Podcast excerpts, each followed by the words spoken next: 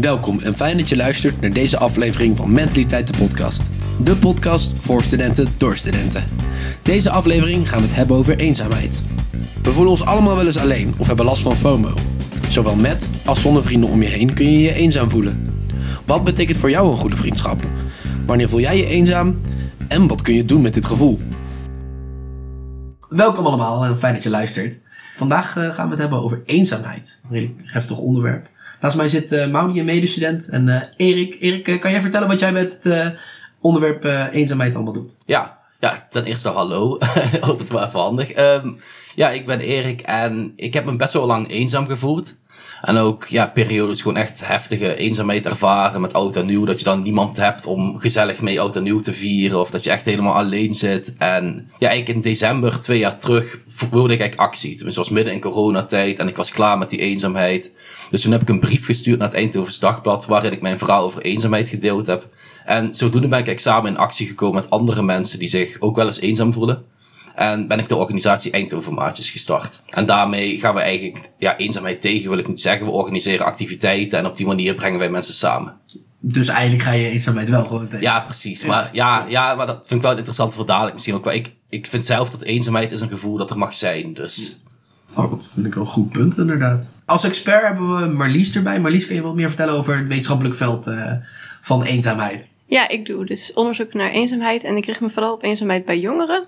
En daarbinnen, ja, het is een ongelooflijk breed en boeiend thema natuurlijk. Uh, dus we kijken wat fundamenteler naar hoe, wat is eenzaamheid nu precies? Hoe kunnen we dat het best omschrijven?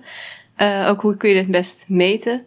Waar komt het dan vandaan? Waarom voelen mensen of jongeren zich eenzaam? Um, maar ook waarom voelen sommige jongeren zich langdurig eenzaam? En, en is de eenzaamheid voor andere jongeren eerder kortdurend? Ja, heel interessant. Want het is inderdaad, dat ligt eraan per persoon. En waarom ligt dat eraan per persoon natuurlijk? Ik begin eigenlijk met een, met een vraag voor, uh, voor Maudi en voor Erik en voor Marlies. Wanneer voelen jullie je eenzaam? Ja, eigenlijk vooral wanneer ik alleen thuis ben. Dat gebeurt best wel vaak. Iedereen in mijn huis heeft ondertussen wel een relatie, ik niet. Dus dan zit ik uh, lekker thuis. En als iedereen andere activiteiten aan het houden is, dan uh, kan ik daar niet zoveel mee. Dus vooral dan. En jij, Erik? Uh, ja, lastige vraag. Tenminste, het is zeg maar een gevoel dat je ziet het niet aankomen, zeg maar. En inderdaad, wat, wat net gezegd wordt, als je alleen thuis zit of zo, dat zijn wel momenten dat, dat kan een trigger zijn om zeg maar je eenzaam te voelen. En dan zit je op de bank en dan denk je, ja, hé, hey, ik wil ook wat gaan doen. Wat ben ik nou alleen aan het doen? En ik, ik wil ook wat doen. En dan voel je je wel eens eenzaam, inderdaad. Ja, Marlies? Ik denk eerder in situaties waar ik met mensen ben, maar me daar niet zo bij aangesloten voel. Dus ik was, ik was bijvoorbeeld verhuisd naar Leuven voor, de, voor mijn studie of voor werk en bij een orkest gegaan. En dan gingen we de afloop nog wat biertjes drinken samen. Uh, maar ik kon de gesprekken niet volgen. Ik kende hen nog niet. Ik was echt, was de eerste of tweede keer. En ik kende de televisieprogramma's niet waar ze over spraken. En ja, ik was omringd door mensen die allemaal heel aardig tegen mij deden. Maar ik, ja, alsof je jezelf dan van boven in je eentje ziet staan terwijl je met die mensen bent. Maar toen voelde ik me wel eenzaam. Nou, oké. Okay. Ja, dat zijn eigenlijk drie hele verschillende manieren van je eenzaam voelen. Zijn er in het wetenschappelijk veld eigenlijk bepaalde ja, categorieën van, van eenzaam zijn of je eenzaam voelen? Er worden wel inderdaad typen van eenzaamheid onderscheiden. Um, verschillende mensen onderscheiden dan uiteraard ook weer verschillende types. Maar een onderscheid wat je vaak terug hoort is tussen emotionele en sociale eenzaamheid. En emotionele eenzaamheid is dan meer het gemis van een hechte band met iemand. Uh, dat kan een romantische partner zijn. Kan ook bijvoorbeeld een beste vriend of vriendin zijn of een ouder. Dus echt iemand die er altijd voor je is en die je helemaal begrijpt en je door en door kent. En de sociale eenzaamheid heeft dan meer te maken met het missen van een netwerk. Mensen met wie je leuke dingen kunt gaan doen. Uh, aan wie je bijvoorbeeld hulp kunt vragen als je gaat verhuizen of als je ziek bent om notities voor je te nemen. Ja, dat kunnen ook weer het gezin zijn. Als je je bijvoorbeeld niet op je plek voelt in, in, in je familie of in je gezin. Dat is een vorm van sociale eenzaamheid. Maar ook in je vriendengroep bijvoorbeeld. Als je wel een vriendengroep hebt, maar je voelt je daar niet helemaal thuis. Dat is ook een vorm van sociale eenzaamheid. Ja. En, en Maudi en Erik, gewoon even een random vraag, maar wat denk je dat het verschil is tussen je gewoon alleen zijn en je eenzaam voelen? Ja, dat is een goede vraag. Um, ik denk dat er wel inderdaad wel een groot verschil zit. Tenminste, ik ben ook wel eens alleen en dat vind ik soms echt heerlijk. Gewoon lekker alleen, niemand om me heen. Alleen dat is een ander gevoel dan eenzaamheid. Eenzaamheid is voor mij een, vaak een negatieve ervaring. En iets wat niet fijn voelt. Terwijl alleen zijn is soms echt heerlijk. Ja, want, want Marlies, de, de, de situatie die jij net schetste, in principe was je ook een soort van alleen in het, het niet weten en het niet snappen in die situatie natuurlijk. Dus dat is ook een soort alleen zijn, toch? Of niet? Eh, Ik denk dat het meer het, een, een alleen zijn of eenzaam voelen is. Dus Ja. alleen zijn is op zich iets wat je kan zien. Eh, je bent zonder andere mensen. Eh, en ik denk dat, dat Erik het perfect omschreef. Dat kan. Dat is neutraal in die zin dat het zowel positief als negatief kan zijn. Dat is iets wat je ziet. Iemand is zonder andere mensen. Maar dat kan een positieve ervaring of een negatieve zijn. Terwijl eenzaamheid is altijd een naar gevoel. Want, want eenzaamheid kan ook positief zijn. Hoe? Eh, eh, eenzaamheid kan functioneel zijn. Dus in die zin is het positief dat we in staat zijn ons eenzaam te voelen. Maar het blijft een negatief gevoel. Het is niet fijn om je eenzaam te voelen. Ook al is de functie misschien nuttig, het gevoel is vervelend. En, en hoe kan eenzaamheid nuttig zijn dan? Eenzaamheid, ehm het heeft een, een belangrijke signaalfunctie en een motivering voor ons. Ehm, daar wordt het vaak vergeleken met honger en dorst bijvoorbeeld. Dus het is niet prettig om, je, om dorst te ervaren. Maar het is wel nuttig dat we dat kunnen ervaren. Dorst signaleert ons dat we iets missen. Dus ons, ons lichaam heeft behoefte om eh, aan drinken. Ehm, het is geen prettig gevoel, dus we willen daar weer vanaf. En dat motiveert ons om dus te stoppen met waar we mee bezig zijn. En iets, iets te gaan drinken. Ja. Eh, en eenzaamheid werkt dus op dezelfde manier. Dus eenzaamheid signaleert aan ons of laat ons weten: hé, hey, er, er is iets niet in orde, er mist iets op sociaal vlak. Dus dat weten we dan, dat is al goed om te weten. En het is een naar gevoel, we willen daar weer van af. Dus het motiveert ons om die tijd en energie te investeren die dan nodig is om contacten aan te gaan of zo te onderhouden. Ja, ja Erik, jij, we hebben al van jou gehoord dat jij iets supergoeds hebt geïnitieerd uit eenzaamheid. Ma- Maudi, heb jij ooit iets gedaan uit eenzaamheid waarvan je dacht achteraf van, nou, dat heeft het wel beter gemaakt? Ja, een voorbeeld daarvan is wel. Ik voel me dan snel eenzaam als ik geen aansluiting bij mensen voel. Ehm, een voorbeeld daarvan kan zijn dat ik op een andere plek studeer dan mijn huidige vriendengroep. En als je dan even wil gaan lunchen, dat je denkt: oké, iedereen tikt elkaar aan om eh, samen een kopje koffie te gaan drinken, maar jou niet. En om dan zelf die stap te zetten van: hé, hey, je komt er lekker bij je zitten en je kletst gewoon lekker mee. Ja, snap ik. ik. Dat is ook iets wat voor mij ook redelijk veel voor onzekerheid zorgt. Dat je dan vrienden van jou, die, waar je eigenlijk ook super close mee bent, iets anders ziet doen. Of als jij een keertje een, een activiteit hebt waar jij niet bij kan zijn of het net even te druk hebt. Ik heb dan altijd het gevoel van, eh, ja, super fijn dat zij iets aan het doen zijn met elkaar. En er is een hele goede reden waarom ik er niet bij ben. Maar eh, als ik er niet bij ben nu, vinden ze het dan anders? Missen ze me wel? En dan ga je een beetje twijfelen over je plaats in de groep. Heb ik dan in ieder geval. Ik weet niet of jij dat herkent, of jullie dat ook herkennen, zeg maar. Ja, het ligt er een beetje aan hoe druk ik zelf ben, denk ik. Op momenten dat ik dan niet zoveel op de planning heb staan en je merkt dat mensen niet echt initiëren om jou te spreken, dat ik dat dan ook wel ervaar. Dus dat je geen appje, geen belletje of dat soort dingen binnenkrijgt, dan krijg ik daar ook wel last van. Ja, dat snap ik. ik dat, dat, dat is een klein dingetje voor mij ook geweest. Eh, op het moment eh, dat je een relatie hebt, dan krijg je bijna altijd wel een appje in de ochtend en een appje in de avond. En op het moment dat je dat niet hebt, dan valt dat weg. En dat was voor mij eh, bijna altijd als ik, als ik een relatie had en dat ging uit, was dat even wel een goede dip daarna, omdat, alleen maar omdat ik dat niet meer kreeg. Nee, ja, dat heb ik zelf ook wel ervaren. Ehm, ik was ook gewend om standaard op elk moment dat ik dan eventjes alleen was, mij dan nu ex-vriend te bellen. Maar ja, dat, dat kon niet meer. En dat heeft echt wel lang geduurd voordat ik daar eh, aan gewend was. Of dan ging ik maar een vriendin opbellen. Dat is ook heel leuk. Maar dan vroeg ik me af of dat dan haar niet stoorde. Dat ik dan een, een hand uitstak naar haar in plaats van, eh, ja, in plaats van een relatie. Ja, want dat gaat dan meer over de, over de kwaliteit van de band. Denken jullie dat de hoeveelheid eh, vrienden slash banden die je hebt ook invloed heeft op de kwaliteit van die banden, of niet? Dat is lastig. Tenminste, ik heb nog nooit heel veel vrienden gehad. Dus ik weet niet hoe het is om heel veel vrienden te hebben. Ik moet zeggen, ik had een tijd terug had ik echt gewoon geen vrienden.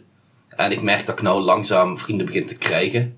Alleen dat is wel echt gewoon nog recent. En ik denk dat vriendschap ook wel tijd nodig heeft. Dus dat het nog wel ja, lastig is om te zeggen, zeg maar. Ja, ja dat is een goed punt inderdaad. Van, het is fijn en aardig, leuk dat je er heel veel of heel weinig kan hebben. Maar ja, het gaat er meer om hoe je, hoe je er zelf aan bouwt en hoe de ander er aan bouwt. Ja, precies. Ik denk dat het heel erg veel met verwachtingen te maken heeft. Wat verwacht je van een ander? Wat, wat verwacht je van jezelf? En dat dat heel belangrijk is, denk ik. Ja, die verwachting, kan, dat kan wel best wel invloed hebben op je eenzaamheid, toch? Maar Marlies, als ik even naar jou kijk. Ja, ja, eenzaamheid is dat de verwachtingen niet in, in balans zijn met wat, er, wat je echt hebt. En dan kun je natuurlijk werken aan het wat je echt hebt. Eh, maar je kan ook aan de andere kant van de weegschaal zijn die verwachtingen. Dus daar kan je natuurlijk ook bij stilstaan. In hoeverre zijn die oké of realistisch? Ja, kan je, kan je een voorbeeld geven van verwachtingen die mensen van zichzelf of van anderen kunnen hebben die misschien een verkeerd beeld schetsen van hoe het echt is? Ik denk dat je, het is allemaal lastig om daar één. Het, het is allemaal niet zo objectief. Dus mensen hebben allemaal heel andere behoeftes. Ehm, sommigen hebben veel behoefte aan heel veel vrienden. En andere mensen hebben dat niet. En dat is allemaal prima. Het gaat er meer om of het dan in balans is met wat je ook echt hebt. Eh, dus je kan niet zeggen als je vier of vijf vrienden hebt, dan, is het, dan, dan zit je wel goed. Eh, zo werkt het gewoon niet. Je kan er altijd bij stilstaan of waar je verwachting vandaan komt. Is dat iets wat je ehm, wat echt jouw verwachting is? Of is dat meer gemaakt? Of denk je dat anderen dat van jou verwachten? Als je, nou ja, bijvoorbeeld de studententijd wordt vaak gezien als een tijd waar iedereen met heel erg veel mensen, met heel veel vrienden, heel veel lol heeft en vooral heel veel uitgaat naar de kroeg en veel bier gaat drinken. Ehm nou ja, als dat het beeld is wat er heerst en wat jij ook in je eigen hoofd geplant hebt, en dat is niet zo, of je vindt dat helemaal niet leuk, je wordt daar helemaal niet gelukkig van. Daar zijn ook heel veel mensen. Er zijn ook andere dingen waar je, waar je plezier in kan hebben. Dan kun je je daardoor eenzaam voelen. Maar dat is dan, ja, dan zou je misschien juist wel aan die verwachting kunnen werken. Dat hoeft niet dat je, eh, niet alle studenten hebben heel erg veel vrienden waar ze elke avond heel blij heel veel bier mee drinken. Zo, dat, dat is gewoon niet zo. Zo is dat niet voor iedereen. En dat hoeft ook helemaal niet. En dat is oké. En ik denk als je er zelf oké mee bent, dat het dat minder vrienden ook oké is, of andere dingen doen ook leuk is, dan kun je daarmee meer in het reinen met jezelf ook komen, denk ik. Hoe kom, je het beste, hoe kom je het beste tot dat soort realisaties? Want het is eigenlijk een moment van zelfreflectie dat je dan eigenlijk nodig hebt. Maar hoe kom je tot zo'n realisatie? Hoe kom je tot het punt dat je denkt, nu moet ik even goed nadenken over hoe ik iets vind en hoe ik dat moet aanpassen? Want als ik het zo zeg, iets, iets aanpassen wat je vindt, dat is voor heel veel mensen niet onmogelijk, maar niet iets wat ze zo eventjes zomaar doen, toch? Nee, en als je iets, iets voelt of vindt, dan voel je dat dus echt zo, alsof dat de werkelijkheid is. En dat is niet, ja, of als je dingen interpreteert, dan het is niet, uh, nou, interpreteer dat maar anders. Oh ja, oké, okay, dat zal ik wel even anders interpreteren vanaf nu. Of ik voel me droevig. Nou, wees even blij. Ja, zo werkt dat niet. Dat is niet nee, dat is, nee, precies. dat je het zegt, maar hè? nee, precies, zo werken die dingen niet. Ja, het is denk ik, het zijn allemaal lange processen. Um, het is ook jezelf leren kennen en vertrouwen is zelfvertrouwen hebben. Um, ja, het, het vertrouwen dat jij ertoe doet op de manier zoals jij bent. Um, en, en dat heeft, ligt deels bij jezelf, maar natuurlijk ook met de mensen rondom jou. Die geven jou dat gevoel. Ik heb nog een vraag sowieso en dat, uh, uh, dat gaat dus ook over die vriendschappen en vooral wat je eraan zou doen. Dus stel jij voelt je eenzaam uh, um, en um, jij hebt een paar vrienden. Hoe zou jij te werk gaan? Moet ik even nadenken. Ja, ja dat mag altijd. het zijn lastige vragen die je stelt. Maar even denken, ja, dat is een hele goeie. Hoe zou je, dat, hoe zou je daarmee het gesprek openen, zeg maar? Want het is natuurlijk een heel groot taboe. En naar je vrienden toestappen en zeggen, yo, ik ben eenzaam. Nee, dat, dat zou ik niet snel doen. En ik denk heel veel mensen niet. Dus dat is heel lastig. Hoe kan je dat aanpakken? Ja, en je dat... kan natuurlijk ook wel bang zijn dat ze, dat ze het als, als een beetje een aanval zien. Want zijn dat dingen die, die veel invloed hebben op mensen? En, en hoe eenzaam ze zich voelen, Marlies? Um, ja, dus zeker die langdurige eenzaamheid. Als, dat, lijkt meer dat je dan echt vastzit in een spiraal, in een, in een negatieve spiraal. Um, en daar zie je wel dat de gedachten vaak negatief zijn. En dan in brede zin. Dus negatieve gedachten over jezelf. Uh, ook over de ander, over de relatie met de ander. Over neutrale situaties. Dus zul je dan eerder wat vijandiger interpreteren. Um, of sociale situaties die of positief of negatief zijn, um, interpreteer je dan ook op een ja, zelfvernietigende manier, noem je dat dan.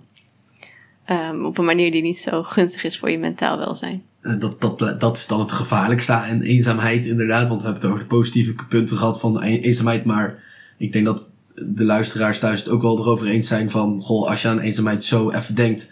dan zijn er altijd negatievere puntjes en puntjes die echt, zeg maar, tot ja, depressies eh, en in mindere zin, zeg maar, eh, gewoon mentale gezondheidsproblemen kunnen, kunnen, kunnen Ja, vormen. en dat maakt het, het onderwerp ook wat lastig soms om te bespreken. Want je wil niet het overproblematiseren. Ehm, zeker natuurlijk in media. Het kopt gewoon lekker als je zegt... één op de drie jongeren voelt zich eenzaam. We hebben echt een super groot probleem. Deze hedendaagse samenleving is gedoemd en het is allemaal vreselijk. Nou ja, ik denk niet dat een derde van de jongeren... dat het daar enorm slecht mee gaat op, op eenzaamheidsvlak, zeg maar. Als je vraagt aan mensen, heb je je wel eens eenzaam gevoeld? Dan krijg je 90 of 100 procent. Dus het is ook een gevoel wat er, wat je in het begin al zei, het mag er zijn. Het heeft iets goeds. Het is helemaal niet gek als je je eenzaam voelt. Het heeft, jij bent niet raar. Er is niks mis met jou. Zeker bijvoorbeeld ook eerstejaars studenten als je net start aan de studie. Dat is een periode waar heel veel mensen zich eenzaam voelen. Dat is niet per se, dat is sowieso niet raar natuurlijk. Uh, maar ook niet, ja, ik zeg dan, het is niet per se erg. Maar dat is, dat is eigenlijk, ik ben nog steeds zoekend naar een goede formulering daar. Want het is natuurlijk op dat moment wel erg. Het is gewoon echt een heel naar gevoel. Dus je kan niet zeggen, ja, stel je niet zo aan. Die eenzaamheid, je moet het ook niet bagatelliseren. Het is, ja. Wanneer zou je ervoor moeten waken dat het fout kan gaan? Dat het echt, zeg maar, het over langere termijn echt uh, tot problemen kan ja, zorgen. Want dat er, is denk ik inderdaad één indicatie. Zijn er bepaalde indicaties, zijn er bepaalde ja, symptomen, zeg maar, die als jij die bij jezelf merkt, of juist bij een goede vriend, want dat is ook heel vaak dat je het niet van jezelf kan merken, dat, maar, maar dat mensen om je heen wel veranderingen aan jou merken. Zijn er ja. bepaalde dingen die daarin, zeg maar, wat makkelijker te pinpointen zijn? Uh, makkelijk pinpointen waarschijnlijk sowieso niet. uh, maar die langdurige is denk ik één. Alleen er is echt nog geen consensus. Is dat dan een half jaar? Is dat dan al lang genoeg? Um, en dat zal ook alweer van persoon tot persoon wisselen. Maar als het echt lang aanhoudt, als je jaren eenzaam voelt, dan is dat denk ik wel een indicatie dat dat is niet prettig. Ja, want het, Eh. het feit van oh, eenzaam, je, je eenzaam voelen hoort erbij. Maar als iemand zich er zodanig slecht door gaat voelen Ja. dat diegene alleen maar tegen zichzelf zegt: Ja, maar, ja, maar ze zijn Ja. bij die podcast dat, dat het erbij hoort. Dus ja, nee, dan, ja, dus, en dat, dat is natuurlijk geen boodschap die. eh dat is ook niet de boodschap die je wil geven. Terwijl het ook heel erg kan helpen. Er is een interventie voor eerstejaars studenten, eh, volgens mij in Amerika ontwikkeld. Die liet zien, even heel kort door de bocht, eh, eenzaamheid in het eerste jaar is heel normaal. Er zijn veel mensen die dat ervaren. Wat ervoor zorgde dat dus twee, drie jaar later alle uitkomsten gunstiger waren. Omdat ze, die studenten dachten, het- die gingen het niet op zichzelf betrekken. Oh, er is iets, er is iets mis het. met mij. Ja. Ik ben niet goed genoeg of, of er is iets. Dus ik denk dat het nog steeds een heel belangrijk besef is. Dat het gevoel er mag zijn, maar het moet inderdaad niet aanhouden. En wat je ook vaak wel ziet, als het wat langer aanhoudt, dat het ook niet meer zo gekoppeld is aan een specifieke gebeurtenis. Ik denk dat dat een andere indicatie is. Uh, dus als je net verhuisd bent, ja, heel veel mensen voelen zich dan eenzaam, want je netwerk is, is ineens anders of weg. Dus dat is een heel, een, een concreet iets is gebeurd. Of als je relatie net uit is gegaan, of als je vriendschap is verbroken, of je hebt een dierbare verloren. Dat zijn allemaal momenten waar heel veel mensen zich eenzaam voelen. Uh, maar dat is ook een heel concrete situatie waar je dat dan nog aan koppelt. En vaak, als het langer duurt, is er niet meer zo één situatie waar je dat aan linkt. Ik denk dat dat een alarmbel zou kunnen doorrinkelen. En een andere is denk ik als het gaat samenhangen, dus met al die negatieve gedachten. Als je echt negatief over jezelf begint te denken. Um, maar goed, dat is heel moeilijk om te beseffen van jezelf dat je op een negatieve manier over dingen denkt. Ja, Mensen, mensen denken Ja. altijd dat ze realistisch over, over zichzelf zijn. Ja, toch? precies. Ja, ik vind dit heel interessant, zeg maar, die negatieve spiraal. Want daar herken ik mezelf best wel in. Bijvoorbeeld ook, ik ben binnenkort jarig en ik, ik ben zeg maar niet meer eenzaam. Of ja, minder eenzaam dan eerst. Niet meer eenzaam, dat, dat is wel heel zwart-wit.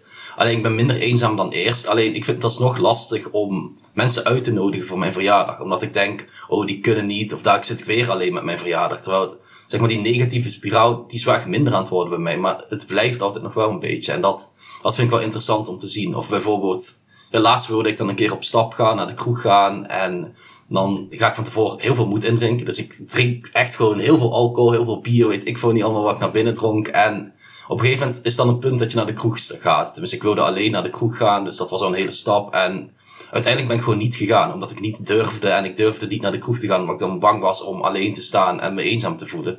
Dus dat is echt gewoon, die negatieve spiraal, die is wel echt, ja, die is echt killing. Dat is echt, uh, dat speelt echt enorm bij mij tenminste.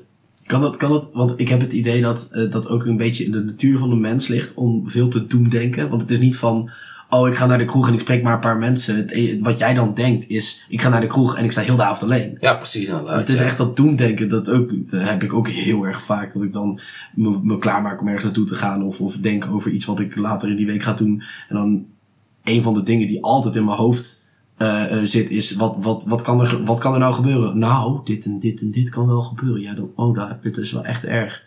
Terwijl, ja, waarom denk je niet over al die andere opties na? Of heb jij dat niet, Maudi? nee, doen denken, daar heb ik wel genoeg ervaring mee, moet ik zeggen.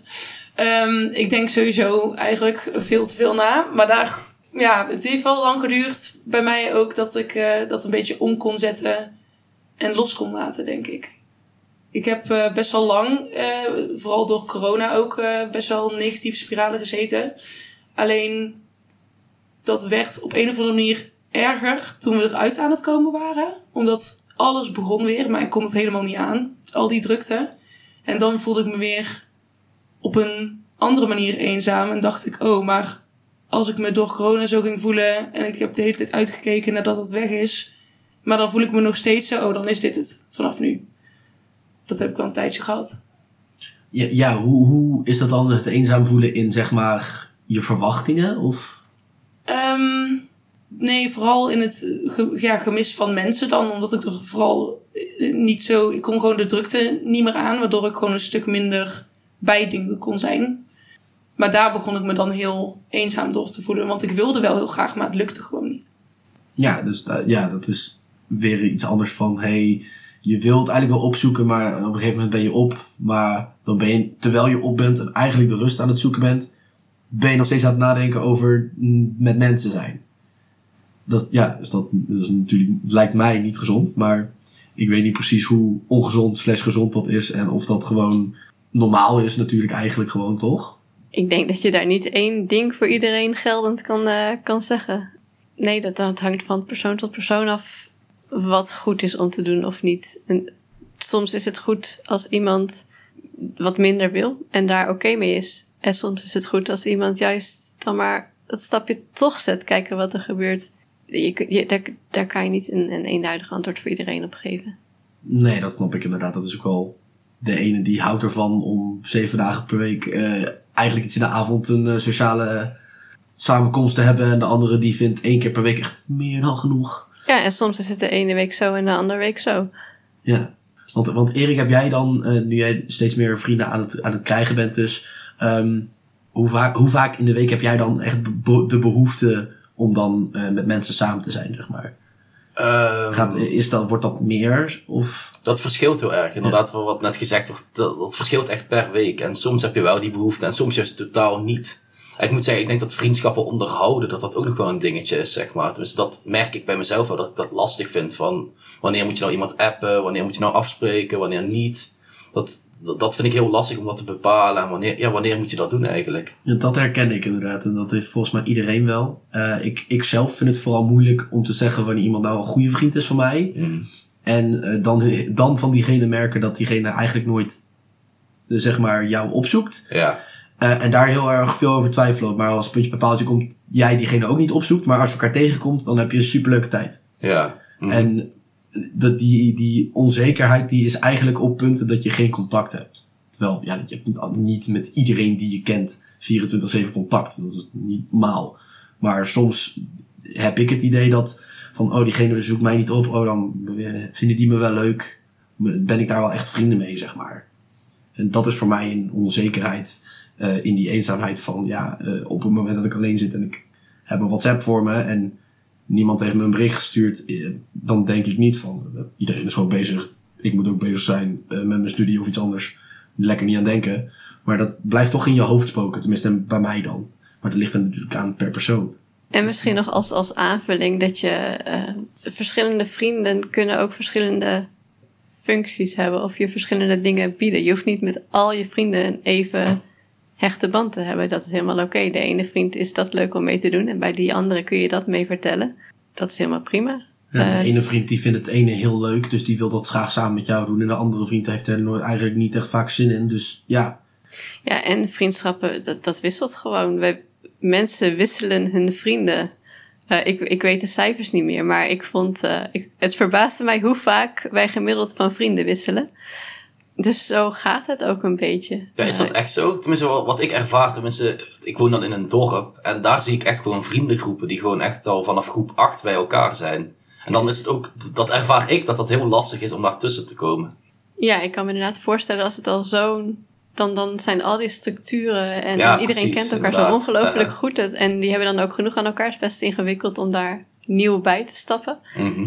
Ja, misschien hangt het dan ook af van de persoon. Maar je ziet toch vaak van schoolwisselingen of verhuizingen. Of je van studie naar werk. Of dat zijn allemaal momenten waar je nieuwe mensen leert kennen. Waar dan vriendschappen uit kunnen rollen. Ja, Ehm, en, en vaak ja, leert de tijd je dan wel wat er met die bepaalde vriend gebeurt. En, en maakt het ook niet zoveel uit als je op dat moment een fijne band met iemand hebt.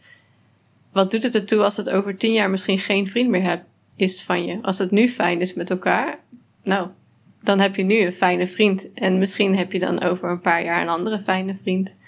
Dus in die zin weet ik ook niet of je daar zo hard altijd over moet nadenken.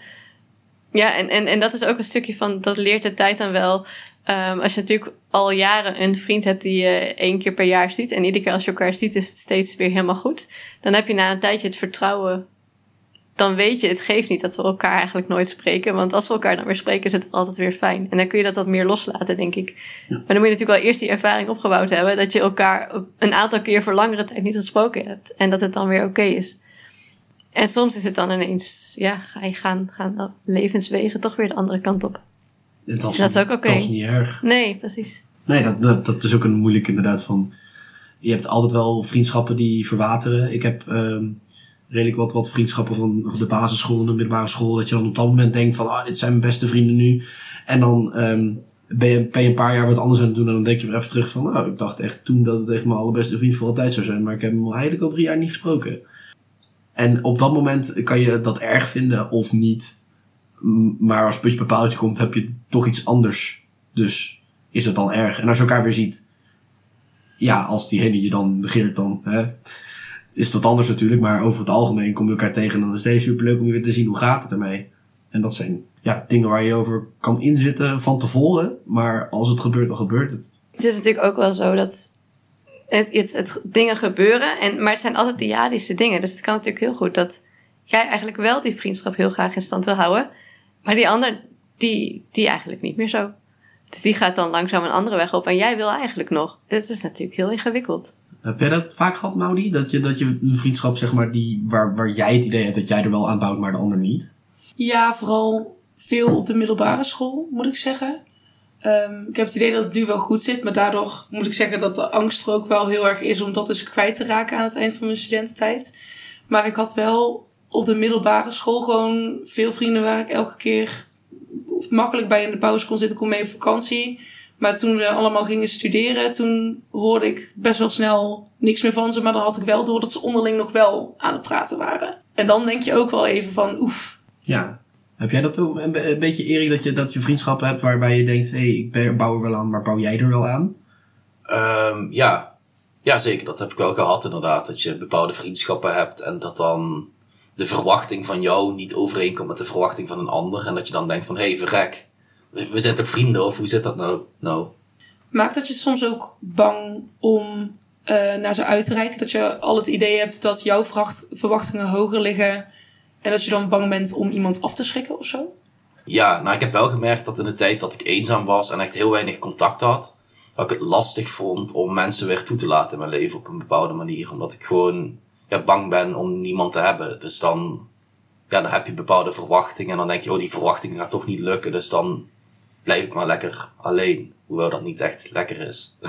Ja, dat, dat klinkt best wel heel erg heftig. En het is natuurlijk ook die bangheid die een groot deel van je eenzaamheid een soort van als basis ervan van ligt. En ja, als we, als we dus een beetje aan onze eigen verwachtingen werken, dan kunnen we daar in ieder geval een stuk makkelijker mee omgaan.